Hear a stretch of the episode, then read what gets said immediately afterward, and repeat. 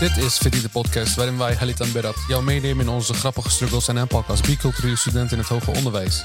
Deze week gaan we het hebben over immigrantmentaliteit. nou, eh, het is alweer een tijdje geleden dat we, dat we een aflevering hebben gedaan. Sorry daarvoor. Ik had, eh, sorry voor de vertraging. Ik had een uh, ja, voetblessure. Ik kan Ja. niet door sport of zo. Ik ging gewoon iemand helpen met filmen. Van iets. Ging even zitten, ik sta op. Voetpijn. Ik kon niet meer lopen voor twee weken. Nu gaat Ja. het een stuk beter. Wat beterschap, man, nogmaals. Dankjewel, man.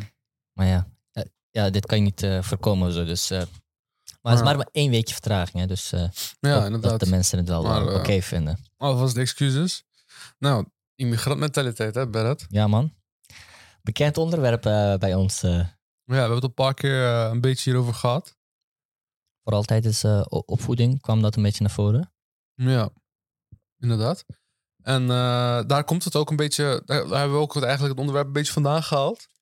Eh, want we hadden daar kort hierover gepraat, over immigrantmentaliteit en over eh, ja, hoe, ons, hoe bijvoorbeeld geen mentale ziektes niet eh, bestonden, bestaan bij ons ouders. Het is gewoon... eh, Ja, gewoon volgens hun, eh, Ja, gewoon. Aan, aan, aan Soms. Ja, niet altijd, maar bij, dat horen we vaak ook in de omgeving. Ja. Van hey, het is gewoon aanstellerij. En eh, we dachten, laten we, het er, eh, nou, laten we het erover hebben. Ja. ja, het is gewoon op zich een heel, heel interessant onderwerp. En een beetje een onderliggend iets die in de opvoeding dus ook in die aflevering centraal stond. Dus laten we dan verder kijken van eh, wat komt er allemaal bij kijken? Wat hebben onze ouders meegemaakt? Hoe denken zij en hoe is dat onderbouwd? Ja, Zodat we eh, gewoon een beter beeld hebben van eh, hoe dat uiteindelijk vertaalt naar deze miscommunicatie van eh, hoezo eh, aanstellerij. nou ja. Maar ja, ik bedoel, kijk, als we naar die generatie kijken een beetje, om te beginnen.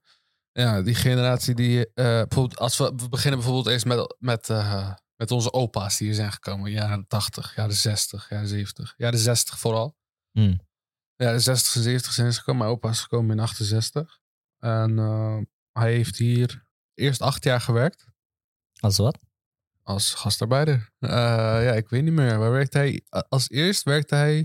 Nee, hij heeft altijd daar... Hij heeft altijd in de haven gewerkt, ja. Ah, Dus hij heeft acht maanden, heeft hij in de haven, acht jaar heeft hij in de haven gewerkt. Dat is lasser. Daarna ging hij vier jaar naar Turkije. Is hij terug naar Turkije gegaan. mhm. En dan in 1980 is hij weer teruggegaan naar Nederland. Hij dacht van, wat, eh, hij komt kom niet rond. Hmm. Om weer gewoon een 1980. voorbij te verdienen. Ja, in 1980 was er ook een coup in Turkije. Dus eh, Koep. ja, coup d'etat. Ja. Ja. En eh, ja, dan eh, levensomstandigheden gingen behoorlijk achteruit volgens mij dan. Heeft hij niet echt verteld, maar toen, zei hij, toen hebben ze uiteindelijk met mijn oma besloten van ja, ga maar terug. Want we Ja, komen niet rond. moeilijk. Ja. Of zo, ik begrijp het ook niet precies. Ik weet niet hoe het bij jou was. Maar eh, nou ja, dan is hij weer teruggekomen. En later kwamen, kwamen mijn oma en eh, mijn vader en zijn zusjes kwamen ook. Oh. Ja, Want, want hoe oud was jouw vader toen hij hier naartoe kwam? dat is volgens mij 19, Oké, dus best mijn, bij mij, ik weet niet precies wanneer mijn opa is gekomen. 20, Iets, zoiets. iets in de tachtig volgens mij. En mijn- Oh, jouw vader kwam wel... Ja, opa kwam wel wat later dan, ja. misschien net ervoor. Maar eh, mijn vader kwam een paar keer mee. Dat is een beetje gek. Dus hij heeft eh, bij wijze van de basisschool gedeeltelijk hier gevolgd en gedeeltelijk in Turkije. Oh, Zoiets. Eh, Een beetje strange. dat ik heb ik ook niet vaker gehoord, ja. Maar ehm, en uiteindelijk in 1991 of zo, dus eh, toen mijn vader ongeveer 18 jaar was, is hij uiteindelijk wel hier, hier naartoe gekomen om gewoon hier zijn toekomst voor te zetten. Ja, En is hij hier begonnen met werken, is hij getrouwd, is, hij, is mijn moeder hier naartoe gekomen en zo is het verder gegaan bij ons in ieder geval. Nou, opa werkte wel in een eh, wat soort houtbewerkbedrijf of iets. Mm. Wel constant allemaal verhalen gehoord van eh, wat er mis is gegaan en eh, weet ik veel wat er allemaal is gebeurd. ja. Wel geinig. ja nee. Mijn opa heeft... ik weet niet, heb jij, heb jij ooit aan je opa gevraagd van... Hey, hoe leeft hij het toen?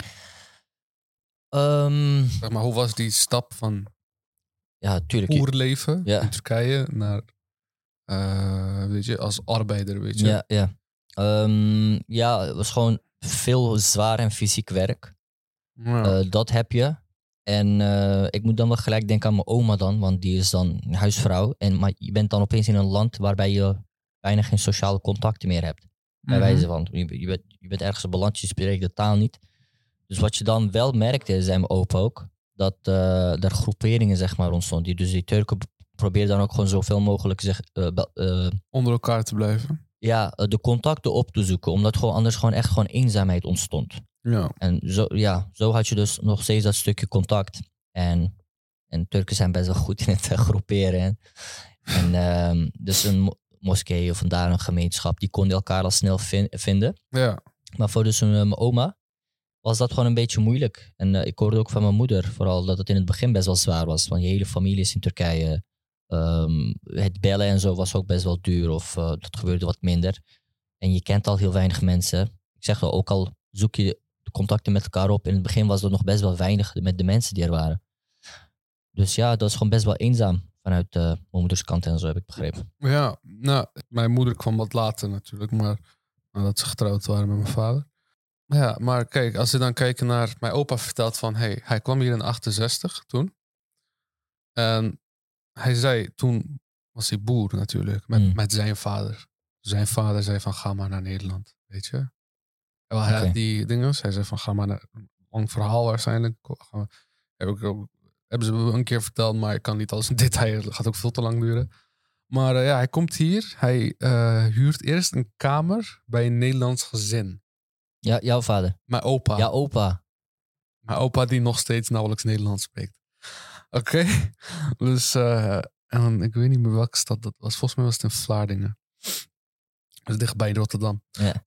En daarna vindt hij een, een huis in Rotterdam, eh, Oude Westen. Dus dichtbij Kruiskade. Eh Westkruiskade. En zij staat ervan. Een huis waar ze volgens mij met z'n twaalf wonen of zo. Jezus. En ze werken dan, vast jouw opa ook waarschijnlijk, had ook zo'n huis. Woonde waarschijnlijk ook in zo'n huis met, met acht tot twaalf mensen. Waarschijnlijk wel. Als je het aan hem vraagt, dan zal hij het vertellen. Waarschijnlijk denk het wel. Want bijna... Toen, toen hij nog niet getrouwd was, bedoel je? Ja, ja. Oh, hier gewoon puur als gastarbeider met andere gastarbeiders eventueel. Toen zijn vrouw nog niet naar Nederland kwam. Ja. Geen, ik heb nooit gevraagd, denk ik. Mm. Ik vraag het altijd aan mijn opa. En eh, hij vertelt me van, eh, ja, we werkten 12 uur per dag. Hij zegt, mijn eten was dit. Zijn eten was dit, hè? Hij vertelt altijd. Want, en ik heb het altijd heel goed onthouden. Hij heeft het heel vaak verteld ook. Ja. Eh, mijn opa is wel een beetje een herhaler, zoals ik. Ja. maar eh, Ik denk heel veel opa's er. eh. Al die verhalen is gewoon... Dus hij zegt, dit was mijn eten. Hij zegt, ik ging naar de kippenboer. Er is een kippenboer dichtbij. Heet- is nog steeds bij de Westkustkade. Vroeger heette het blijkbaar hokjepok, nu heet het koolmees. Een tijdje was dat halal of zo, maar ik weet het niet. Hij weet het zelf ook niet zeker. Mhm. Ehm, hij zei, ik haalde één hele kip. Oké? Ja, Hij zegt, Oh, en, ik een liter karnemelk. Oké. Oké. En hij, hij zei, ik haalde wat brood. En hij zegt, ik eet in de avond eet ik een halve kip met een halve liter karnemelk. En ik eet wat brood ernaast. En dat is ook mijn ontbijt. Oh, oh, dat, dat eet je op een hele dag. Ja. Hij eet een, Halve kip, halve liter karnemelk, brood. een, een hele kip dus eigenlijk. Nee, ja, dus Ja. ontbijt hetzelfde en avondeten ook Of, zo. of dat is een lunch. En ontbijt deed, deed Ja. ze dan daar of zo. Ik weet niet Oké, precies. Oké, dus, dus in de ochtend at hij wat. Gewoon ontbijten. Zijn, en dan zijn middag en zijn avondeten was een hele kip en een liter karnemelk met wat brood of zo. Zoals Ja. Dat was ziek, man. Het is gewoon Ja. dikke lunch, Maar- dikke avondeten. Ja, bijvoorbeeld. En hij zegt van, ik zei van, ja opa, hoe was dat? Was het niet moeilijk en zo? Van, hij is werken zo lang? Hij zegt, ja, valt wel mee, want hij is die boerenleven gewend. Toch veel moeilijker. Ja, Hier heeft hij alleen man. maar, ja, maar dit was ook zwaar voor zijn knieën en zo. Ja, tuurlijk. De hele tijd in een masker, weet je? Ja. Lastig. Ja. Volgens mij heeft ook Salahuddin, eh u weet Salahuddin op YouTube, hij heeft ook Mhm. zo'n interview met Marokkaanse gastarbeiders. En hij zegt, en die gastarbeider, die meneer die hij interviewt, die zegt hetzelfde. Hij zegt, in Marokko was ik gewend om veel harder te werken. Dus 12 uur hier in een fabriek werken was niks voor mij. Zeg. Ja, want de- ik denk de intensiteit is gewoon wat lager ten Ja. opzichte van een boerenleven die dan... Ik, ik weet, heb je enig idee, heb je. je, heb je enig idee hoe, la, hoe laat je opa dan begon met werken? Ja, 12 ja, uur, ja, maar ja. is dan van ochtend 6 tot avond 6 of 8 tot 8? 8 tot 8. Want ik weet, boerenleven begint gewoon best vroeg. Het is gewoon met zonsopgang, eh, ochtendgebed en Stop nooit, weet je. Ja, Eigenlijk. oh, gek man. Ja, 8 tot 8 werkt hij. Hij zei, ik had twee pauzes van een half uur. Zoiets of zo. Volgens mij nam hij die pauze niet. Dat is ziek man, precies 12 uur lang werken hier. eh, Dat is fysiek werken, is niet... eh Ik ben gewoon lasser houden. Jezus. Maar ja, bijvoorbeeld, als je, als je dan kijkt, dan hebben ze echt een survival mentaliteit. En dan komt mijn vader hier later natuurlijk. En dan gaat hij studeren. Mijn vader heeft wel gestudeerd. Om, om terug te komen van... het, eh, ik denk die survival mentaliteit komt dus oprecht van... eh, het hard werken, het hard werken gewend zijn. Ja, Eh, armoede denk ik ook. Van haar, Ja, ja. Dat ze zijn gemigreerd naar Nederland. Gewoon puur, we komen gewoon niet rond in, in, in Turkije in dit geval. ja.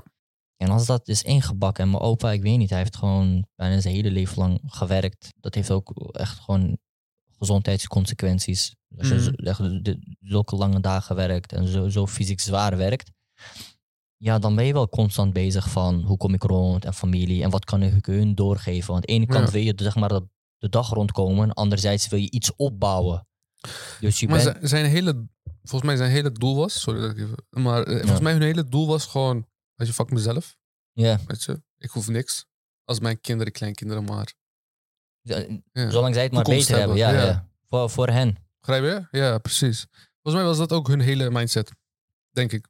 Ja, dan kan je pas dus als je, als je zo hard krijgt zo hard Ja. Ja. Maar gek, eh, Ja, en dan, en dan denk je wel, en dan komen wij hier en dan worden wij een beetje eh, van, eh, ja, mijn school is moeilijk. En dan begrijp ik wel hoe hun nadenken, weet je. maar, maar kijk, dat is Ja. dus interessant, want, want het- nu hebben we het nog over onze logica tenminste. Ja, we hebben nu Ja. nog over onze opa's. En dus, ja, bij, gewoon bij mijn opa. Mijn vader heeft dus dat vanuit huis meegekregen. Wat voor effect heeft dat dus op onze generatie, op ons, op Ja. mij, op jou? Nou, een van de, ja, zeg maar de mindset waarmee je wordt opgevoed. eh, en waarschijnlijk ook onze vaders en tantes, maar kinderen, kinderen van onze vaders, ooms en tantes Mhm. worden opgevoed. Is van, jij gaat minder snel praten over persoonlijke problemen, weet je. Van, het is wat het is, weet je. Dus, eh? Ja, nee, nee, Ja. nee, is, is oprecht zo. Want het, het Ja. is, eh, heel veel mensen hebben moeten hard werken. En Ja. dat, dat wordt ook gewoon gezien. Ik bedoel, mijn mijn vader ziet mijn opa gewoon hard grinden en alles. Ja, Ehm, ik, ik kan dan niet even komen klagen bij wijze van. En nee, ik moet dan ook gewoon doorzetten. Tenminste, ik heb het hier niet per se over mezelf dan. Ik kom wel wat meer kwijt, denk ik dan. eh, maar ik zie vaak, Hmm. zeg maar in mijn omgeving, dat ze het niet vaak kwijt konden bij hun ouders. Of omdat ze het gewoon werd gezien als, eh weet je, het is wat het is. Ik heb dat ook wel een beetje gehad, maar ik kon ook heel, heel, heel ik kon wel degelijk wat praten met mijn ouders over dit Mhm. soort dingen. Maar eh, ik bedoel, ze konden, ja, ja. Maar bij heel veel, ik heb in mijn omgeving ook heel veel gezien van, eh Ja, het is wat het is. Ik, maar ik ja, begrijp het. Ja, het is natuurlijk. eh, gewoon hard het, zijn, het, is, toch? het is Ja. niet zwart-wit, maar dat Precies, stukje ja. inderdaad wel een beetje hard zijn. En kom op, dit kan je wel. Of niet zo aanstellen. Ja, ja, ja. Dat, dat, Dat was er wel. Maar dat hoort ook, voor. weet dat je, hoort soms ook. Ja. Ja, of dat hoort, ja, daar hebben mensen dus op mening wel- over. Maar op welk niveau? Ja, ja, ja. Ik, eh, ja ik, ik ben dus ook. Maar het idee is dus in ieder geval de reden waarom in ieder geval mijn ouders en of binnen mijn familie en dus wat jij bij jezelf ziet en je omgeving ziet van ja, kom op, het moet wel lukken, niet zo aanstellen, komt een beetje vanuit deze survival mentaliteit, om dus even kort samen te vatten, omdat ze dus uit best wel moeilijke omstandigheden komen. Precies, ja. ja. En uit deze harde situatie zijn ze gewoon het harde gewend. En wij komen nu uit een hele andere omgeving, maar die mentaliteit wordt doorgegeven. Dus als je dan, dan schetst, dan krijg je dus die kloof van... Mijn ouders zijn het nog net gewend, maar ja, ik, ik ben gewoon opgegroeid in Nederland. Dus ik heb het in die zin wel makkelijk, maar... eh, ja. Zeg maar, hun zijn onze ouders bijvoorbeeld. En dan niet onze opa en oma. Onze ouders zijn hier eh, zijn voor de helft opgegroeid in Turkije. wie, opa's? Nee, onze ouders dan. Ja, Ja, zijn Ja, ja. voor de helft opgegroeid in Turkije. Dus mijn opa was ook 23 toen hij hier kwam. Maar zijn voor de helft opgegroeid in Turkije. En dan voor de helft in eh, Nederland. Want mijn, mijn vader is dan iets ouder misschien. Hey, maar Ja, je beseft, hè, is dit is, kapot raar, hè? dit is wel side note, hè? Ja. Je verlaat gewoon je hele leven ja.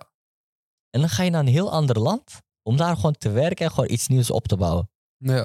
d- daar heb je echt best wel ballen voor nodig ook aan de ene kant. Hè? Dus gewoon, je Ja. laat gewoon aan de ene kant ook gewoon je, je vrouw en misschien kinderen achter. En daar werken wat sparen en dan hun proberen hier naartoe te halen en al die stappen zetten. Ja, of gewoon zo. Ik heb wel gemerkt, onder de eh, ouderen die ik heb gesproken, ze probeerden eigenlijk zoveel mogelijk geld te sparen, zodat hun kinderen in Turkije konden blijven. Want Mm. mijn opa was geen voorstander van dat mijn vader naar Turkije zou, naar Nederland zou verhuizen. Hij was geen voorstander. Want hij had hem ook eerst ingeschreven in Turkije bij een universiteit, Ja. Maar daarna is hij naar Nederland gekomen. Ah. Bijvoorbeeld, mijn opa was geen voorstander dat hij naar Nederland zou komen. Ah. Enig idee waarom? Ja, maar dat is. eh, misschien kunnen we dat. Ik weet, denk ik wel waarom. Hij heeft het nooit verteld, maar ik denk, ik denk wel waarom. Ik kan het er hier heel, heel kort over hebben. Hij heeft het nooit verteld, maar Ja. mijn gok, zeg maar. Het is ook letterlijk een gok. En waarschijnlijk, als mijn broertje dit luistert, gaat hij mij uitlachen omdat ik dit heb gezegd. Ja. Want hij, had, hij heeft een paar keer over gehad. Ik bedoel, je weet toch die... Oké. Heel veel Turken hier komen hier. Vrouw is ver weg, oké. Ja. Eh, ze zijn jong, ze zijn wild. Eh, ja, weet je, ze, hebben, ze gaan naar... Ze zoeken andere vrouwen. Oh. Mijn opa was nooit zo. Ja. Oké, Maar- oké, ik, ik, ik, ik wist dat niet. Wist je dat niet? Ja, niet, ik heb niet dat soort verhalen meegekregen. Heb je dat nooit gehoord? Ik ken genoeg mensen die half Turk zijn, maar ik hun vader niet kennen. Lijp. Ja, ja.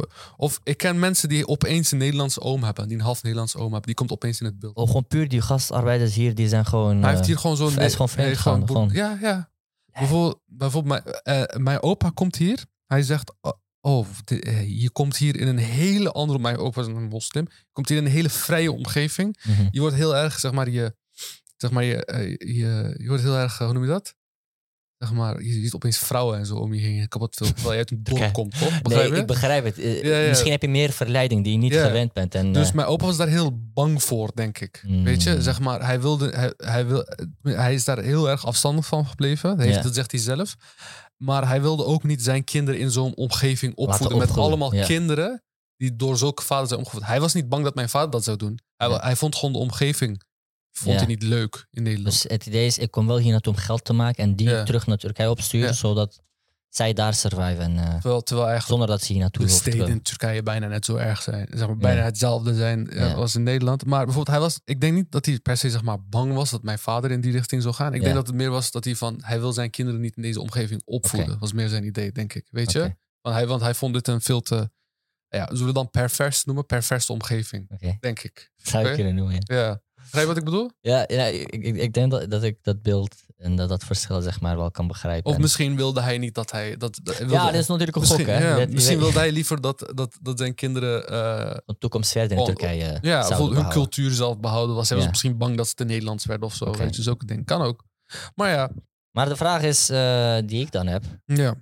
omdat ze dan uit zo'n survival mentaliteit komen, zijn biculturele studenten, of in ieder geval de ouders ervan, dan ook meer veerkrachtig? Ik denk van wel. Oké. Ja. En eh, je zou dit niet eh, verwachten, want meestal, en biculturelen zullen ook zeggen van dat ze wat moeilijker uit hun comfortzone gaan.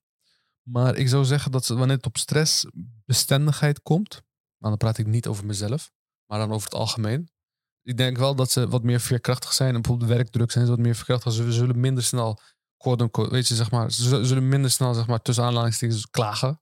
Begrijp je? Ja. De, de, Ja. de biculturele studenten heb je het over, toch? Bicultureel algemeen, zeg maar. Mhm. Ja, weet je, gewoon. Dus ook ouders. Ja, ja. Ja. minder snel zullen ze klagen. Ze, ze zijn veel, veel sneller eh, content, denk ik, zeg maar, ze, over hun situatie. Zeg maar, ze zijn blijer, dat wil ik zeggen, persoonlijk.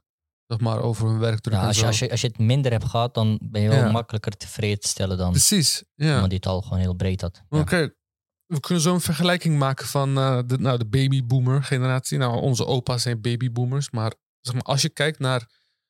Maar ze komen uit een hele arme omgeving. Zeg maar, opvoeding en... eh, begrijp je? Zeg maar, hoe ze, daarom daarom Ja. zijn ze ook naar... Net over gehad, daarom zijn ze ook naar Nederland gekomen. Maar dan kijk je van, hé, hey, wat is eigenlijk de... Maar dan als je zo kijkt, de babyboomer generatie over het algemeen... in de westerse wereld is zeg maar de generatie die het makkelijkst heeft gehad. Aller tijden. Je moet even toelichten van En moet ik natuurlijk wat je bedoelt met ja. het makkelijk hebben. Kijk, ik heb het hier over de westerse, Mhm. witte babyboomer generatie. En ik moet witte helaas zeggen. Ik moet zeg maar zeggen. eh, want er was natuurlijk racisme. Oh, Dat was minder, dan, eh, minder in Europa dan in Amerika natuurlijk. Maar, eh, want we hadden hier geen segregatie. Daarom, weet je. Ja, maar... Mm. nou, tenminste denk ik, ja, volgens mij niet. Eh, nou, in de babyboomer generatie, hier, die had bijvoorbeeld, huizenmarkt was veel beter, veel, eh, veel beter verdienen. Na de oorlog, maar, maar een tijdje na de oorlog was het hier veel fijner om te leven. Vooral. Dus, maar het was heel erg welvarend, vooral in Amerika, maar eh, hier ook in Ne- Nederland ook over het algemeen. In West-Europa was het ook heel erg welvarend. En het was heel erg comfortabel om die tijd te leven.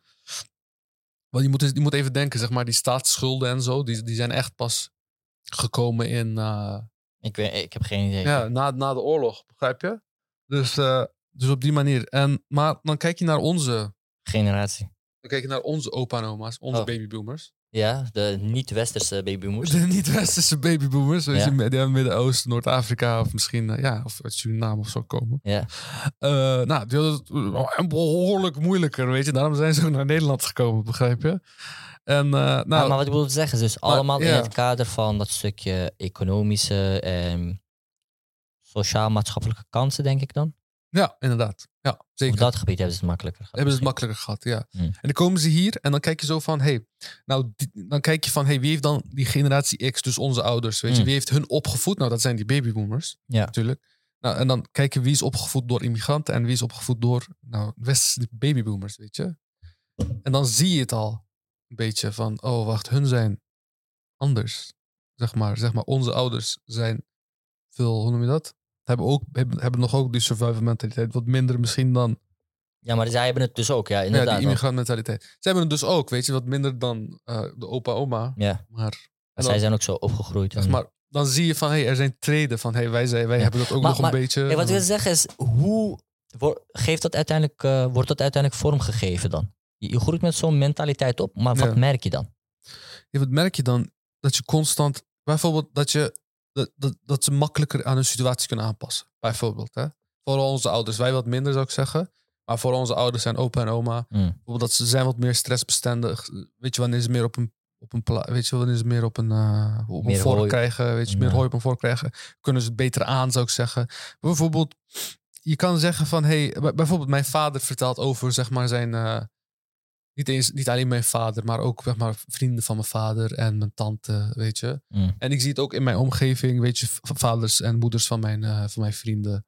Weet je, die zeggen van, hey, op, op de werkvloer, weet je, wanneer ik ziek was, ik ging gewoon werken. Mijn vader was gewoon doodziek, hij ging gewoon werken. Het boeide, hem- boeide hem niet, weet je. Hij had griep, bedoel ik bijvoorbeeld. Hij moest eigenlijk rusten. Hij zei, ik ben niet ziek, ik ga weer werken. Bijvoorbeeld zulke dingen. Maar ook bijvoorbeeld, mijn vader vertelt van, hey, ik had collega's die bijvoorbeeld een beetje overwerkt waren en dan een maand vrij namen omdat ze een beetje overwerkt waren. Terwijl ik dat elke week meemaak, weet je. Be- Begrijp wat ik bedoel? Wat ik hieruit begrijp en Ja. eh, wa- waarvan ik zelf, zelf denk dus wat de gevolgen zijn ervan. Ja. Uit zo'n harde omge- omgeving en zo'n mentaliteit opgroeien, zorgt ervoor dat mensen oprecht gewoon eh, minder gaan zeiken. Ja, Eh, en, dan gewoon- en dan gewoon doorzetten en dan best wel tegen een, best wel een harde klap ook kunnen.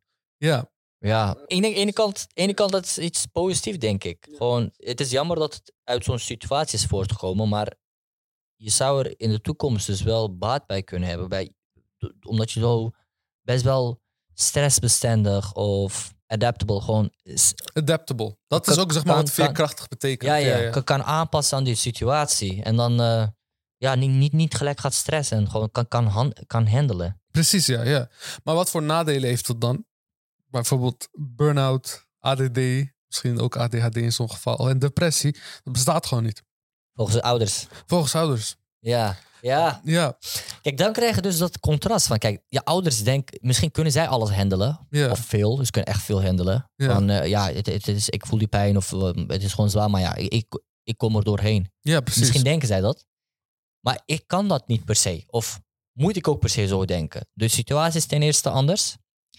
Dus zij kijken denk ik vanuit de bril van de situatie is nu nog makkelijker. Ja, Dus jij moet nog minder zeiken. Want ik, die verhalen heb ik wel veel gehoord. Van oprecht, mijn moeder die dan thuis ging he- meehelpen met... Ja, ouders moeten dus... eh, bij, bij de, eh, mijn opa en mijn oma, die waren dan constant bezig op het platteland om het met, verbouwen.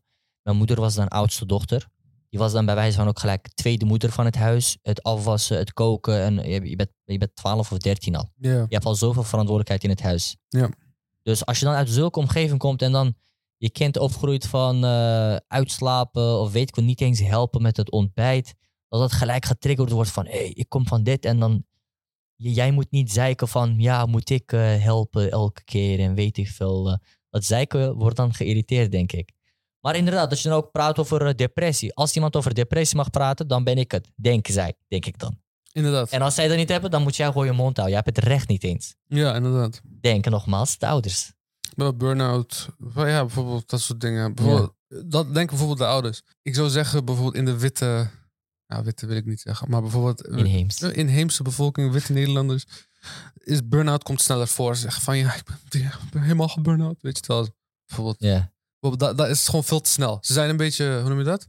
Klagen een beetje te snel, vind ik. Mhm. Maar het is ook over het algemeen dat ik bij Nederlanders heb gehoord die in het. eh, bij, eh, bij im- bijvoorbeeld immigranten, biculturele heb gehoord. Die in het werkleven zitten, weet je, die in het. eh, weet je, begrijp je wat ik bedoel? Ja, ik, ehm, Ze zeggen veel sneller dat ze al burn-out zijn. ik zou ook zelf zeggen, als ik random mocht gokken, wie gaat eerder kampen met een burn-out, dan zou ik zeggen de witte Nederlander. Ja. Omdat zij sneller dat aangeeft. Kijk, misschien bij ons. Maar bijvoorbeeld, dat is een stereotype geworden Ja, ja, onder inheems. Wij, wij, wij, wij maken grappen daarover soms. Weet je, van, oh ja, ben je al gelijk geburn-out, weet je? Ja, je? Oh, jammer. Oh, zie je. Je precies. zie- dan, ga ik komen op gewoon. Maar bijvoorbeeld, als we dan kijken bijvoorbeeld naar wat serieuzere dingen, zoals ADD en depressie. Oké, want ADD is, is een echte aandoening. En ADHD ook. Bijvoorbeeld, ik heb gehoord dat bijvoorbeeld kinderen die ADHD hebben, krijgen pas wanneer ze 15 zijn een diagnose. Omdat ouders, ouders gewoon zeggen van ja, hij is gewoon een beetje vervelend. Ja. Of dat ze ADHD hebben, ja, hij is een beetje langzaam, denken ze dan, terwijl hij helemaal niet langzaam is, weet je. Maar dat is, dat is omdat ze nooit erover hebben gehoord, denk ik. Niemand, Ja, niemand praat erover. Ze Ja. weten misschien niet eens dat het bestaat. Of dat zoiets kan. Ja. Ja, dan is het kwestie van, ja, it is what it is. Precies, ja, ja. En dan gewoon, ja, boeien, doorgaan. Ja, ja. Maar het kan dus inderdaad... Ja, maar depressie lijkt me wel lastig, man. Depressie is heel wat Want lastiger. vooral juist Ja. in, in, in dat moment wanneer je eh, zoekt om steun, Ja. ook van, van de mensen die gewoon, eh, waarvan je denkt, jij bent mijn ouder, jij moet me juist hier uit, uit- deze situatie helpen. Ja. Dan, dan lijkt me dan wel een beetje hard dan om te zeggen van, ah, niet zo aanstellen. Precies, ja. Maar ik zie wel nu, zeg maar, eh, dat mensen depressie heel wat serieuzer nemen dan vroeger. Ja, en wa- waarom denk je dat dat gebeurt? Omdat ik eh, in mijn omgeving dan meer mensen Zeg maar, wat, van- wat, wat heeft ervoor gezorgd voor deze verandering, dat mensen het serieuzer gaan nemen?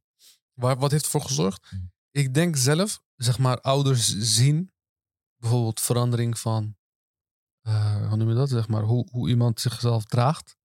Hoe, Mhm. hoe een kinderen zichzelf dragen, dat het verandert. Dat, ze, dat, men- dat shit hun niet meer boeit. Dat, dat zien ze aan hun kinderen veel meer. Begrijp je? Omdat kinderen vaker... Bijvoorbeeld nu zitten we wat meer in een routine dan vroeger, zou ik zeggen. Begrijp Mhm. je? En, eh, als bijvoorbeeld, en dan zien ze bijvoorbeeld dat elke dag hetzelfde is en dan is hij opeens anders, dat kind. Weet je? Ja, en dan dus hebben ze iets Dan meegemaakt valt het op. dan valt het op, ja. Ik, En- denk, ik denk dat het daardoor komt. En, en ik denk dat bijvoorbeeld bij depressie... Maar kijk, als iemand echt depressie heeft... Nu, gaan, nu zeggen ook mensen sneller dat ze Ja, depressie klopt. Hebben. is Ja, ieder- iedereen die depressie heeft, is niet per se gediagnosticeerd met depressie. precies, ja.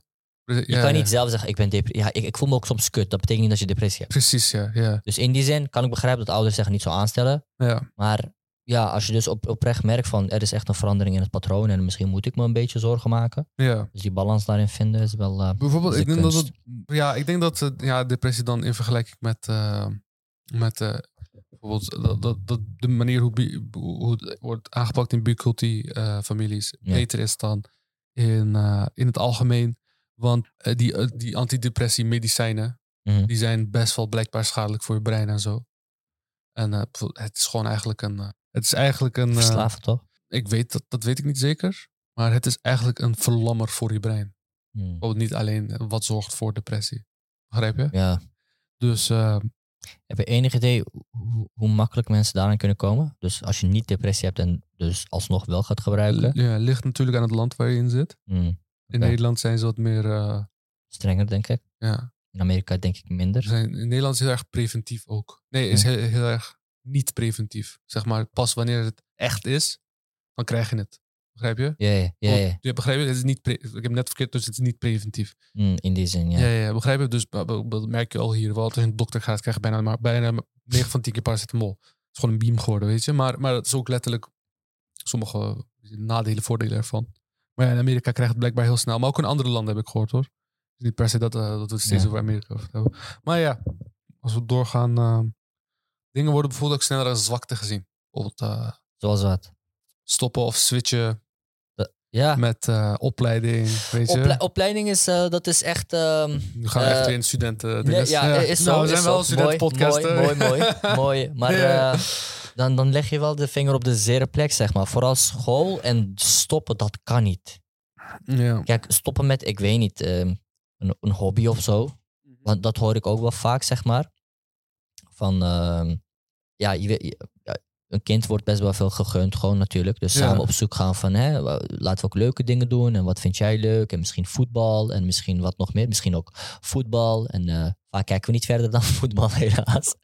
Maar in ieder geval, ze, ze gunnen het wel. Maar misschien wordt dat ook gepusht. En vooral misschien in de verkeerde richting. Het is mooi dat een kind zichzelf ontplooit. Ja. Maar dus alleen voetbal, omdat je misschien... eh, ja, niet iedereen houdt van voetbal. Dus Ja. een kind pushen van...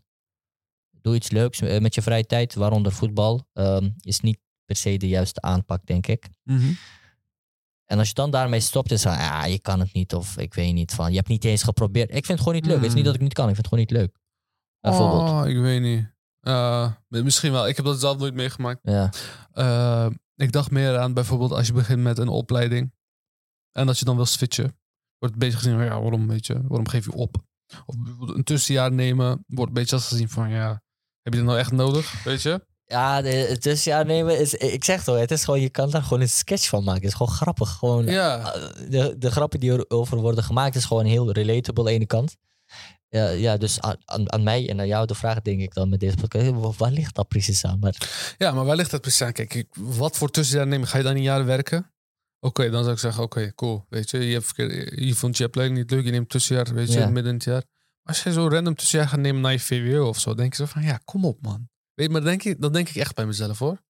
Weet je, Ja, ik ga mezelf ontdekken. Weet je, ik weet nog niet zeker. kijk, dat, dat klinkt zo weer zo'n van- stereotype, zeg maar, zo inheemse leerling, inheemse student. Precies, ja, maar ik vind dat zelf al, vind ik het al een beetje zo van, ja, kom op man, wat, wat ga jij doen? Weet je, denk ik altijd, weet je. Ik, ik vind het prima, oprecht. Dus als ik later een kind heb en die zegt na VWO, ik, ik wil echt even een jaartje gewoon, eh, ik, ik weet nog niet wat ik wil doen. Ja. Dus ik wil dan niet een verkeerde keuze maken. Ik doe wel wat anders. En dan denk ik ook, oké, je gaat niet niks doen. Dus eh, op zijn minst werken, een beetje andere nevenactiviteiten doen. Dat je een plan hebt van, om een juiste studiekeuze te maken, wat ga ik doen? Ja, één jaar lang reizen lijkt mij te veel. Ik denk niet dat je zo lang nodig hebt. Misschien een kleine reis kan, een beetje werken kan, hier en daar.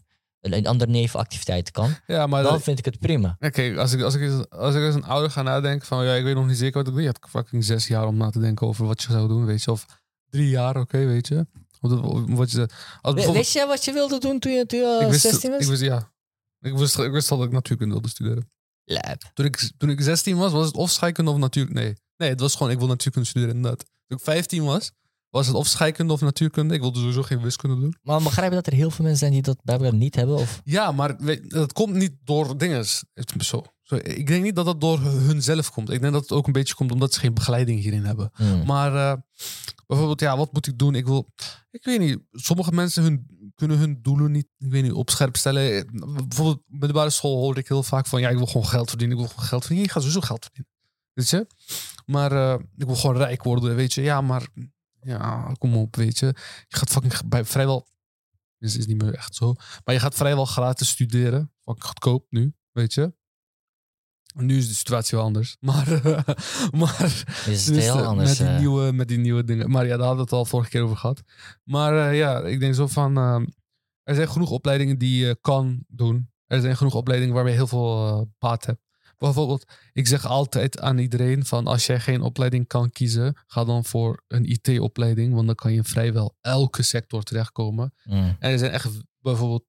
IT Business Management fucking... kan je fucking alles doen, weet je? Maar we hadden het over de stoppen. Ja, En dus een tussenjaar nemen is. zo was echt ramble. Ja, nee, nee. Maar ja. ja. Eh, ja, maar kijk, bijvoorbeeld, ja, wordt gezien als een beetje een zwakte. Ja. Ja. Vanuit onze. Vanuit, ja, Ouders, zeg maar. Ja. De, de, de biculturele ouders. Ja. Ja, ja, ik denk het ook. Het wordt gewoon gezien als. eh, nee, je hebt het niet hard genoeg geprobeerd. Of eh, een tussenjaar is een beetje als iets van. bijna bij wijze van vakantie, als niks doen. Dus je, het is niet nuttig. Je bent Ja. niets nut als je dat doet. Ja. Dus ga of werken en dan. Keihard werken gewoon, ja. Ja, natuurlijk. Nu heb je al Echt. wat. Je Ouders zien dit als- 40 uur Ik bijbaan. wil net zeggen. Ja. Dit betekent, je hebt 40 uur per week minstens beschikbaar om eh, geld te verdienen. Ja. Maar daar komt die mensen, waarom per se geld verdienen? Omdat ze uit de zo'n situatie komen, is survivalen. Wat ga jij in een jaar doen? Maar echt, ik zou ook zeggen, ga gewoon werken. Minstens Ja. 30 uur per week. Kijk maar, wat ik wil zeggen is, kijk, de ouders, ik zeg maar, dus al hun tijd wordt dan wel gefocust op, oh, oké, nu heb ik dan tijd, geld verdienen. Ik zou, ik zou mijn tijd dan benutten, maar dan, ik zeg maar iets, ehm, niet 40 uur, maar dan, ik zou dan misschien maar 12 uur werken, dat is nog maar relatief weinig. Ja. Maar mijn ouders zouden zeggen, waarom? Nu heb je de kans. Kijk, het draait alleen om geld. Waarom? Ze komen echt van moeilijke dingen. En nu is je mentaliteit is alleen maar geld maken. Ja. eh, rondkomen. eh, geld aan de kant zetten. Waarom? Zij denken ook gelijk door. Dat is een heel ander onderwerp. Maar ja, je gaat ook al trouwen en je bent al, weet ik wel, 24. Ik zeg maar, daar wordt Ga sparen en zo, Ja, toch? ja. Maar die shit is duur.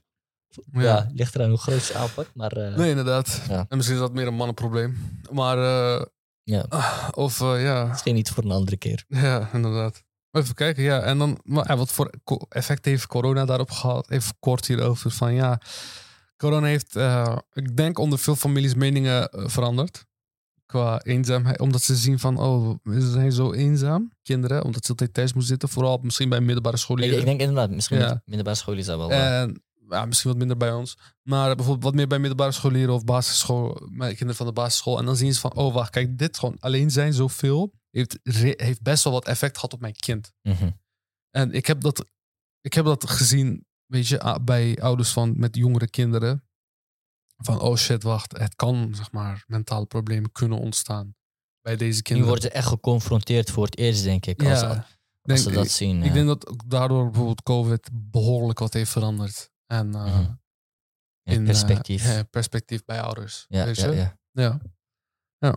Ja, hij heeft er toch eh, iets positiefs voor gezorgd, denk ik. ja, maar bijvoorbeeld deze mentaliteit. Oké, kort gezegd. Of of net waar we, waar we zo'n eh, 40 minuten over hebben gepraat. Hmm.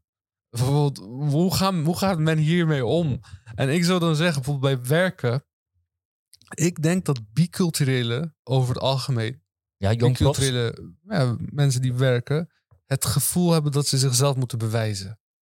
Begrijp wat ik bedoel? Ja. Ik zelf heb dit niet echt meegemaakt, maar ik heb het heel vaak in mijn omgeving en op social media gehoord. Mhm. Dat ze het gevoel hebben dat ze zichzelf moeten bewijzen. Zeg maar, bij mijn bijbaan heb ik dat niet echt gehad. En ook niet bij mijn stages.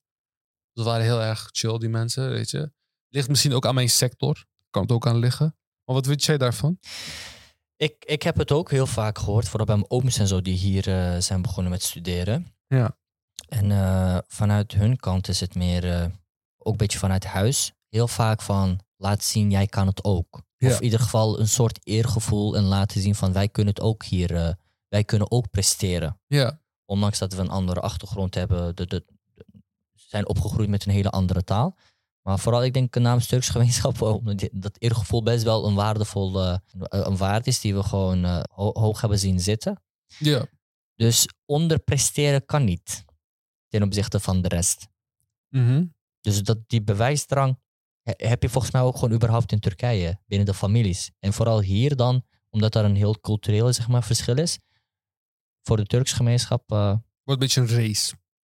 Ja, in ieder geval laten zien, je bent, je, jij bent geen eh, nummer drie of zo, of nummer twee. Je, je zit in die bovenklasse, zeg maar. Je kan het. Dat Ja. moet je zien te bewijzen. Ja. Dus dat, dat, dat hoor ik wel veel. En eh, ja, dat ze soms eh, overwerken en het zelf niet realiseren. Omdat ze zich heel hard gaan pushen. Dat het op een gegeven moment ongezond wordt. En dat realiseren ze niet zelf. Zeg maar, wa- wat voor voorbeeld? Kan je misschien een voorbeeld noemen? Hoe bedoel je precies? Ze pushen zichzelf zo hard dat ze overwerken zonder dat ze merken van, hé, eh, dit is misschien niet zo goed. Ja, Ik moet misschien gewoon een beetje gewoon tijd vrijmaken of ja. minder werken. inderdaad. Zoals jij. Maar, eh, nee, grapje. Maar dit- ik doe dit eh, niet om te bewijzen, ik hè? weet, ik weet. Dat is een grapje. Gekke gast. Maar, eh, maar ja, ik, dat, zie- dat zie ik wel eens. Ja, dat. Maar gek, want dit Ja. gebeurt dus, kijk, belangrijk. Dit gebeurt alles door een bepaalde bewijsdrang. Ja. Ten opzichte van wie? Voor, voor wat moet Ja, ten opzichte van, eh, van witte Nederlanders. Ja, Dus dat, dat, dat ze moeten bewijzen van ik kan het ook. Ja, Ja. Oké, ja, ik, ik bedoel het zelf vooral bij- school en zo. Maar ik kan het zeg maar, ik ben de beste. Ik ga zoveel mogelijk klanten helpen. Ik kan zoveel mogelijk dingen ja, ik maken. ik ik ga niet. zoveel mogelijk onderdelen lassen. Ja. Ik moet doorgaan. Ik moet... eh. Ik, ik heb al dat laatst, zeg maar, dat niet, niet per se gehoord. Wel het laten zien van eh, ik ben geen eh, quitter, zeg maar. Ik, Ja. ik, ik zal niet stoppen, ik ga het halen. Dat heb ik wel vaak gehoord, zeg maar. Laten zien van ik kan het ook. ja. Wij kunnen het ook als eh, biculturele families. Dat heb ik wel gehoord. ja. Nou. Ja. En bij, eh, bij studeren zou ik zeggen van ja, is de studiekeuze heel moeilijk. En over het algemeen. Want eh, heel veel ouders van biculturele studenten hebben niet gestudeerd. In mijn geval heb ik dat, eh godzijdank niet. Eh, weet je, mijn vader heeft eh, gestudeerd. Ook natuurkunde. Nee, hij heeft eh, IT gedaan. Maar eh, oh, vandaar eh, die, die tips vanuit IT. nee, eigenlijk niet eens Het vandaar. is gewoon gebiased. Maar mijn vader was tijdens de dotcom-bubble. Dat is een heel andere tijd, weet je. Ja, ja, ja. Maar eh, nu is het gewoon... je hebt zoveel, eh, nu is het gewoon, je hebt zoveel, alle sectoren zijn nu betrokken bij IT. Daarom zeg ik het Ja, oké. Naar studiekeuze. Inderdaad, ik, Ja, ehm, maar ik- ja, vooral, vooral eh, binnen mijn familie, binnen mijn omgeving. eh, ik hoor het overal van studeren is gewoon. your ehm, way out. Ja, ja, ja, Ja. that- that's it. Oprecht, oprecht. Maar de grap is, je wordt dus gepusht om te studeren. Aha. Of je het leuk vindt of niet. Gewoon het idee van wel een beetje baangarantie en dat je het goed hebt. Daar wordt het, eh, da- daardoor wordt het gepusht, denk ik. Maar welke studie past dan bij mij? Oké, ja, is goed. Ik ga studeren. Ik heb sowieso geen keus blijkbaar, maar ik ga studeren. Wat Ja. ga ik studeren? Ja, ja ik- geen idee. Dok, arts. Word arts. Studeer geneeskunde. Doe rechten. Ik weet niet. Als arts, advocaat of eh, toch? Piloot, ik Piloot, toch? Nee. Gewoon Piloot? sta- standaard, ja, die heb ik ook vaak. Ja, piloot, leuk bera, eh, leuk beroep Ja. en zo.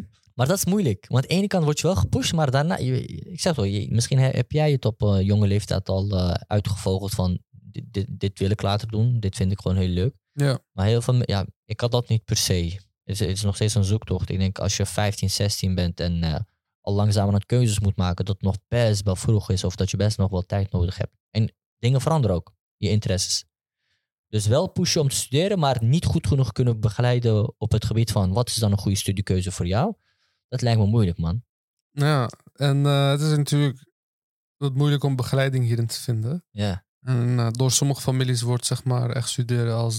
Maar als je niet studeert, bij het begin tenminste, Hey. voor jongeren. Bijvoorbeeld, ik zie bijvoorbeeld dat ouders niet willen vertellen dat hun kind niet, studeren, niet studeert. Bijvoorbeeld wanneer wij naar Turkije gaan en bijvoorbeeld iemand heeft een kind die niet studeert, maar die Ja. werkt, mag je doen. ja klopt. In Europa maakt het letterlijk niet uit voor je levenskwaliteit, weet je? Voor welzijn bedoel ik. Maar als je dan naar Turkije gaat, zijn ze een beetje, willen ze niet zeggen van, oh ja, mijn kind studeert niet. Willen Mhm. niet, over dat onderwerp hebben. Ja, ja, ik denk, ja, per cul- cultuur kan dat misschien wel Kan ik. veranderen. Ja, Ja. ja. Maar, dat een beetje taboe of zo is, dat Ja, je dan niet studeert. Zo'n, En je bent nog in Europa, weet je? ja, afvallig of zo. eh. Precies, ja, gek. dat wordt, wordt een beetje zo gezien. En dat is wel jammer. Ja. Dus, eh, dus kinderen worden ook heel vaak gepusht om te studeren. Wat ik wel merk, oprecht, kijk, er komt nog ik heb een- dit zelf niet meegemaakt bij de. ik heb, ik heb ja. bijvoorbeeld nog een voorbeeld, maar het is een heel ander eh, argument, zeg maar. Die push is er, Ja. bij een biculturele familie, mhm. maar wel het idee van, jij hoopt, want eh, je, je hebt nog steeds heel veel familieleden die dan bijvoorbeeld eh, nog oh, in het land van herkomst wonen, ik zeg maar eens bijvoorbeeld in Turkije, en dus die nog steeds moeilijk hebben, vooral nu ook, Ja. dat ze dan ook geld eh, sturen. Gewoon ter steun. We hebben het iets makkelijker, dus wel, we kunnen best wel een beetje geld aan de kant zetten, dat we de families daarin ondersteunen. Mhm. En dat er op jou wordt geleund, de verwachting. ehm, hopelijk ga jij eh, gewoon eh, studeren, eh, een diploma, een studie ook afmaken, een diploma krijgen en een goede baan. Zodat je redelijk wat kan verdienen en ook kan bijdragen aan de familie. Dus als jij dan opeens besluit van, ja, maar studeren is niks voor mij en ik ga wel, ik neem wel genoegen met een, een simpelere baan waar ik meer passie voor heb en misschien wel minder verdien. Ja, maar dan kunnen we onder onze familie kunnen we dan minder steunen. Dus jij moet deze kans nu grijpen. Dat je dan die pressure voelt van ik moet gewoon gelijk mijn studie afmaken en ik moet gewoon hoog presteren. Zo, omdat, omdat de verwachting is, jij gaat ons ook helpen. Want we hebben jou ook lang, Ik lang. heb dat niet meegemaakt. Ik niet in de familie, maar her en der zeg maar, heb je dat ook wel gehoord. Die verwachting van eh, ik heb het ook niet gehoord. we, we zorgen voor elkaar. Ja. Dus jij, jij mag niet kiezen voor jezelf van ja, maar ik wil wel gewoon een simpel. Nee. We hebben het nu veel beter omdat ik ook heel veel tijd en energie heb moeten opofferen voor jou. Dus jij gaat het nu ook doen. ja. Jij gaat maximaal eruit halen en jij gaat ook dus eh, per, percentueel of zo je steentje bijdragen en de familie ondersteunen. Dus die luxe van eh, ik ga het simpel houden en maar een beetje mijn passie, mijn eigen eh, pad stippelen. Ook, ook al is het moeilijker dan carrière bijvoorbeeld. Dus dat wordt gezien aan no-go, want dat heeft geen garantie. Ja. ja. Nee, ik heb het zelf Ja. niet gezien. Nee, man. Oké, nou, zullen we dan eh, doorgaan naar... eh nou, dat is een behoorlijk diep onderwerp ook. ook. Ja, maar... eh, we hebben ook behoorlijk wat gepraat en misschien niet altijd. Jawel. Jawel. Ja. Gewoon positief blijven. Ja, Toch? Ja, Ja, Ik denk wel, dit zijn, dit zijn wel belangrijke onderwerpen. om over te hebben Ja, inderdaad. ja, ja, ja. Nou, Wat- Wat denken studenten erover? inderdaad. Nou, dan gaan we door naar de campusinterviews. Nou, dit keer hebben we twee eh, studenten geïnterviewd. Ja. En waar waren we dit keer? Ik moet het ook melden. Hè? We waren bij Hogeschool van, van Utrecht. Ja. Hogeschool Utrecht. Amsterdam hebben we dus bezocht. Wageningen bezocht. Ja, Daar hebben we verschillende plekken eh, bezocht. By the way, ook UvA en de VU. ja. En nu Utrecht. Utrecht. Mooie hogeschool. Mooi, erg mooie hogeschool. Ja, de Leuk universiteit is wel een beetje gaar. Qua locatie en zo. UU. Ja. Ja, ik weet Het gebouw bedoel ik dan. Campus. lelijk? Nou, de gebouw waarin, waarin ik ben geweest, wat, vond ik niet zo... eh, Ik vind de Hogeschool Utrecht, die was, eh, was echt vet. Dat is oprecht heel mooi, ja. Ja. ja. Nou, dan gaan we door. Nou, dan gaan we eerst beginnen met Aya. We zijn vandaag bij Hogeschool Utrecht. En eh, we zijn hier met... Ja? Aya, we hebben twee vragen voor je. Hoe zouden je ouders reageren als je tegen hen zou zeggen dat je zou stoppen met school omdat je studeren nou, toch niks voor jou is? Eh, ze zouden me eerst scheef aankijken. ja, en daarna eh, onzin. Dus dat het heel onzin is. Dus op een gegeven moment gaan ze het gewoon uit mijn hoofd praten. Dus uiteindelijk is eigenlijk een conclusie om toch niet te stoppen met de opleiding. Dus het wordt hem niet. Niet, nee. Nee? Het- nee, terug naar je eigen land dan op een gegeven moment. We zijn niet voor niets hier in Nederland, gaan ze dan zeggen. Ja. Nou, en stel je voor je zou zeggen van ja, ik ga wel door met school, maar ik wil even een tussenjaar nemen en eh backpacken in Cambodja. Nou, dat heeft mijn broer dus gedaan. En dat was niet heel goed afgelopen. Want hij had zijn studiepunten allemaal gehaald. Maar het vond hem toch niks. Dus hij zei, ik ga stoppen. Ik ga werken en sporten. Uiteindelijk stopte hij met sporten. En hij stopte met werken ook. Dus hij zat daar. Dus op een gegeven moment waren ze echt heel boos en teleurgesteld. En ze waren echt het niet mee eens. Weet je? Op een gegeven moment gaan ze niet meer, meer naar je kijken hoe ze eigenlijk daarvoor naar je gingen kijken. Dus... ik begrijp je precies. Ja. Ja, we gaan, ze, ze hebben geen vertrouwen meer in je om voor je volgende studie te gaan. Dus dat is het meer geworden bij ons. Ja. Je wordt gewoon een beetje gezien als een nietsnut. Ja, eigenlijk wel een beetje. ja, Nou, dankjewel. Ja. geen probleem. Nou, dankjewel. Ja. Ja, gekke Aya. Ik kan niet verwachten eh, Dat is wel een leuk dat, verhaal dat, van ja, dat haar broer ook gewoon eh, zoiets heeft meegemaakt. eh. Ja, nou, we luisterden het natuurlijk live weer terug. En we we hadden dit even vergeten dat ze dit... Tot, uh, tenminste, ik ook ja, waarschijnlijk. ja, ja, ja. ja. Wat, wat, wat viel jou op? Wat, wat vond ik op? Ehm, ze heeft letterlijk, zeg maar, zeg maar haar, haar ouders, die uit Marokko komen, Mhm.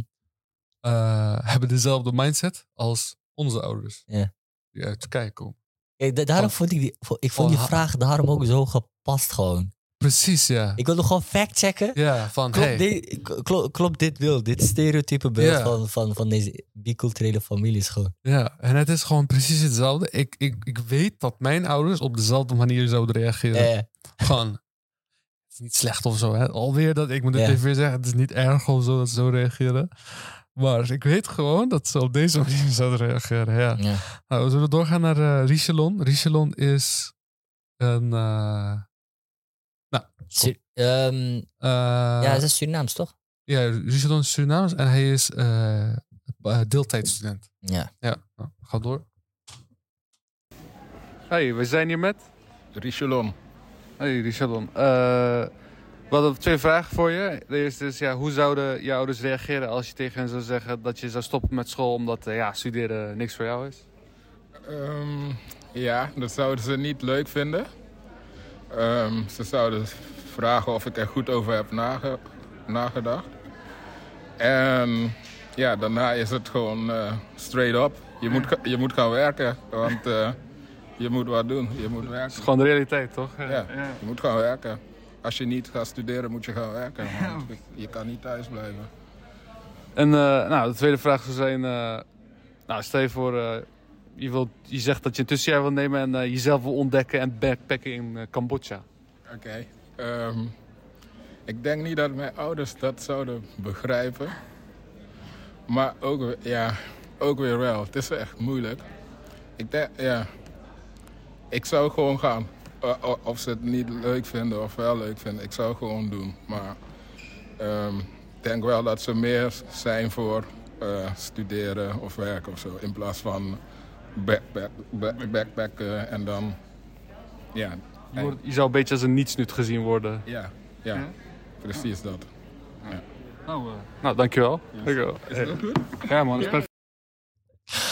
Oh, eh, Richelon. Gekke Richelon. Dankjewel man. Ja, maar hey, nogmaals, eh Richelon, als je luistert. Ik, ik noem je volgens mij Richarlison na het kijken van WK. Dus eh, sorry, ik eh Ja, maar- even verwarring. Oh mijn god. Maar eh nou, Richelon, eh, eh, hij, hij, hij heeft weer onze verwachtingen geconfirmed een beetje. Van, eh, Ja. Eh, Het is gewoon een ding. Het is, eh, wat je herkent is ehm, die teleurstelling van, ja, dit kan je niet maken. ja, precies. dit kan je echt. Dit lijkt me zwaar, hè. Ja, Het lijkt me ja. echt zwaar. Van, Ja. oprecht, van, ook al, ook al eh, Nou, lijkt het je zwaar, denk je? nee, wa- wat mij zwaar lijkt is eh, dat je ouders niet kan overtuigen dat het gewoon prima is om van opleiding te veranderen. Ja, nee, je hebt Ook gelijk. met Aya en zo. Hij had al zijn punten en dan die teleurstelling maakt het zwaar. Gewoon dat, dat, je, dat je ouders dan hele andere verwachtingen. Het is, Ze zien je heel anders. ja, Ik begreep het wel. dat je moet dealen met dit soort emoties van een ander die je niet kan wijsmaken. Want sommige meningen zijn al zo hard ingebakken bij hun, dat, dat kan je niet meer veranderen. Je moet gewoon mee leven. Als je dan constant dat gezeik of wat, van, wat dan ook zeg maar eh, Nee, moet dragen, dat is wel moeilijk. Maar je, merkt, je ziet misschien dus dat stukje zekerheid die ze, waar ze naar streven. Vandaar een baan, vandaar eh, iets doen, vandaar eh, stoppen, kan niet gewoon, gewoon doorgaan. Ja, En wel geinig om elke keer te zien dat de backpacker gewoon niet te begrijpen is van, what the fuck, wat bedoel je? wat bedoel je? Wat ga je Cambodja zelf- Waar is Cambodja? Nee. Naar Turkije, dan zou ik het begrijpen.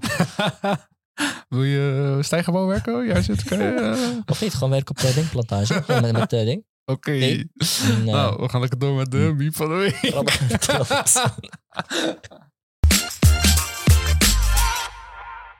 nou, vertel, waarom vond je deze meme zo cool, Berat? Ik, eh, ja, ik vond het wel toepasselijk, man. Oké, nou, de meme is my parents at age 23. Uh, let's migrate to another country so our kids can have opportunities. En dan yes. En dan me at uh, 23, you can put anything in this air fryer for real. Gewoon begrijp, die hele zorgen zijn totaal omgedraaid. ja, precies. Dus ouwe. vanaf, gewoon, vanaf Gen Z gewoon, vanaf Gen Z kan je bij wijze van dus keuze maken van... eh, Air fryer of oven. Nee, Oh. nee, nee. Dat, dat, dat, dus dat stukje survivalen... ehm, nee, je, je, kan, je, je hoeft niet meer zeg maar, zorgen te maken over zeg maar, aankomende generatie. Qua, qua kansen zit het best wel goed. Ja, inderdaad. Dus je hoeft niet zoveel bij wijze van op te offeren. Een, Ja, een legacy zeg maar achter te laten. Die heb je niet meer. Dus dan maak je zorgen over. Ja. hey, wist je dat je dit ook kon bro? ah, nice. Bro, ik heb steak in air fryer gemaakt. Broer, ik heb pizza gemaakt. Oké, nou, we gaan door naar tips van de week. ja. Oh, oké. ja, zo, we kunnen niet bijkomen van die meme, Ja, jongen. Nou, tip nummer één. Die generatiekloof, die is behoorlijk moeilijk. Ja, en nee, eh, nou, is, hoe, eh, gaan we, hoe gaan we, nou Berat, hoe gaan we die generatiekloof, hoe gaan we ervoor zorgen dat je hier beter met je ouders over kan praten? Weet je? Ja, niet. Hoop op het beste. It is what it is. Dit is wat ik thuis is heb geleerd. it Dit is. gewoon fire. Dit is ja, gewoon... man. Nou, Maar kijk, eh, wij kunnen, het enige wat we kunnen zeggen is: vind een oudere neef, nicht, broer, zus om hierover te spreken. Nou, ja. Of wees die oudere neef, neef, nicht, broer, zus in die situaties, weet je? Dus als je die oudere neef, broer, zus of nicht wil zijn... Ja. Of, Ja, of eh, ik weet niet, coole oom of zo. Maar ja, nou, wees het dan. En nou ja. Niks meer. We hebben niks gezegd voor 15 minuten. Nee, nee, nee, oké, Maar, serieus. Nee, even serieus. Eh, nou, ik zou zeggen, nou, vind zeg maar een tussenstap. Weet je? Ja. Vind zeg maar, er zijn ook genoeg eh, studentenverenigingen die, eh, of jongerenverenigingen die hiermee kunnen helpen. Of eh, je kan bijvoorbeeld op school kan je naar, de, kan je naar het zorgteam gaan als je nog op de middelbare zit. Of je kan, en je hebt ook een, gewoon, meestal een schoolpsycholoog in, in hoger onderwijs. Ja. Maar studie- is wel betaald, hè? Is niet Ja, gratis. dat is niet School, dat is wel jammer. Schoolpsychologen, zover ik weet, is betaald. Of misschien twee sessies gratis. Daarna wordt het betaald. Je hebt ook Ja. gekke wachtlijsten. Dus Ja, is zes wat ga je dan maanden. doen als je dat niet hebt? Ja, dan ga je naar, eh Stemstudentenplatform. Ga je naar Stipstudentenplatform houden. Nee, oké, het is wel een gekke promo vanuit ons. Maar Ja, het is een eh, studentenplatform die zich vrijwillig, met vrijwilligers inzet. maar ja, En eh, dus bijvoorbeeld. ja. kosteloos ehm, zou je eh, een buddy of een, eh, eh, eh, een peercoach kunnen vinden. Waarbij je In- dus hiermee kan sparren. Ja, precies. Ik doe dat nu, dus met middelbare scholieren. Ik en ik een soort brug, brug, brugfunctie vervoer je dan. Vooral ook dus ook met de ouders. Dus de jongens en de meisjes maak je dan een beetje wegwijs. Ja. Maar de ouders begrijpen dus vaak niet van waarom. Of, dus om hen ook daarin mee te nemen, ben je best wel een Spreek je met de ouders en met de nog. leerlingen, weet je. nog, ja. ja. Dat is eigenlijk eh, het beste wat je kan doen. En eh, wij staan daar klaar voor. Ja. Dus als je daar behoefte aan hebt, Het is eh, kosteloos. Stuur een mailtje naar info.stipstudenten.nl en schrijf daarin ook gewoon Fitty de podcast. Dan eh, komt het wel goed, denk ik. Ja, denk ik het wel. Voor 50% korting. 20% korting. Die promo. Zo, oké. Ja, ja, ja. Ja. Maar, maar een andere, wist je nog? Ken je Diversity Talks? Ja. Ja? Ja, ik denk bij Diversity Talks kan je denk ik ook wel terecht bij dit soort dingen. Ze hebben eh, zo'n project Study Hub volgens mij. Ik Ja. keek laatst op een Insta, dus ik zag het daar. En hun doen eigenlijk ook iets soortgelijks, ook peer coaching. Er zijn ook behoorlijk wat meer van dit soort verenigingen. En ik zal ze proberen te zoeken en in de Insta te zetten. Om ze allemaal te taggen, want er zijn behoorlijk wat, behoorlijk wat verenigingen en stichtingen die hiermee kunnen helpen. Ik denk dat dit ook, en stel je voor, hey, eh, jij bent niet in de situatie of je bent al uit de situatie, probeer ook zoveel mogelijk jongeren die op de middelbare school zitten naar dit soort verenigingen en stichtingen toe te wijzen. Van, Ja, hey, oh, die misschien gaat dit is er oprecht. Want die die behoefte, behoefte is er zeker en ik zie het nog steeds. En uh, ja, het is ook natuurlijk, we hebben het hier heel veel over gehad van, hey, je ouders weten ook natuurlijk niet precies hoe het, hoe het studentenleven en jongerenleven, school, de schoolcultuur in principe in Nederland er naartoe gaat. En uh, nou, dit soort stichtingen kunnen zeg maar een brugfunctie tussen jou en je ouders zijn. En, uh, ja. en iedereen zal dit op prijs stellen. Ja, klopt. En wil jij als uh, vrijwilliger werken bij Stip Studentenvereniging? nee, ik ben je ook lekker welkom. Nou, uh, tip nummer twee, eindelijk. Uh, vind een balans in je workflow. In je workflow, nou, dat is dan... Uh, ja. Zeg van, je hoeft jezelf niet te bewijzen. Zou ik zeggen.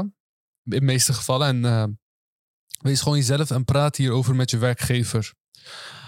Ik denk dat bijna elke... Ik denk dat, dat je vrijwel een hele veilige omgeving zal hebben in je... Op, je werk, op de op werkvloer werk, bedoel je? Ja, op de werkvloer. Om hierover te praten van, hey, ik heb zo'n gevoel. Wat denk jij hierover?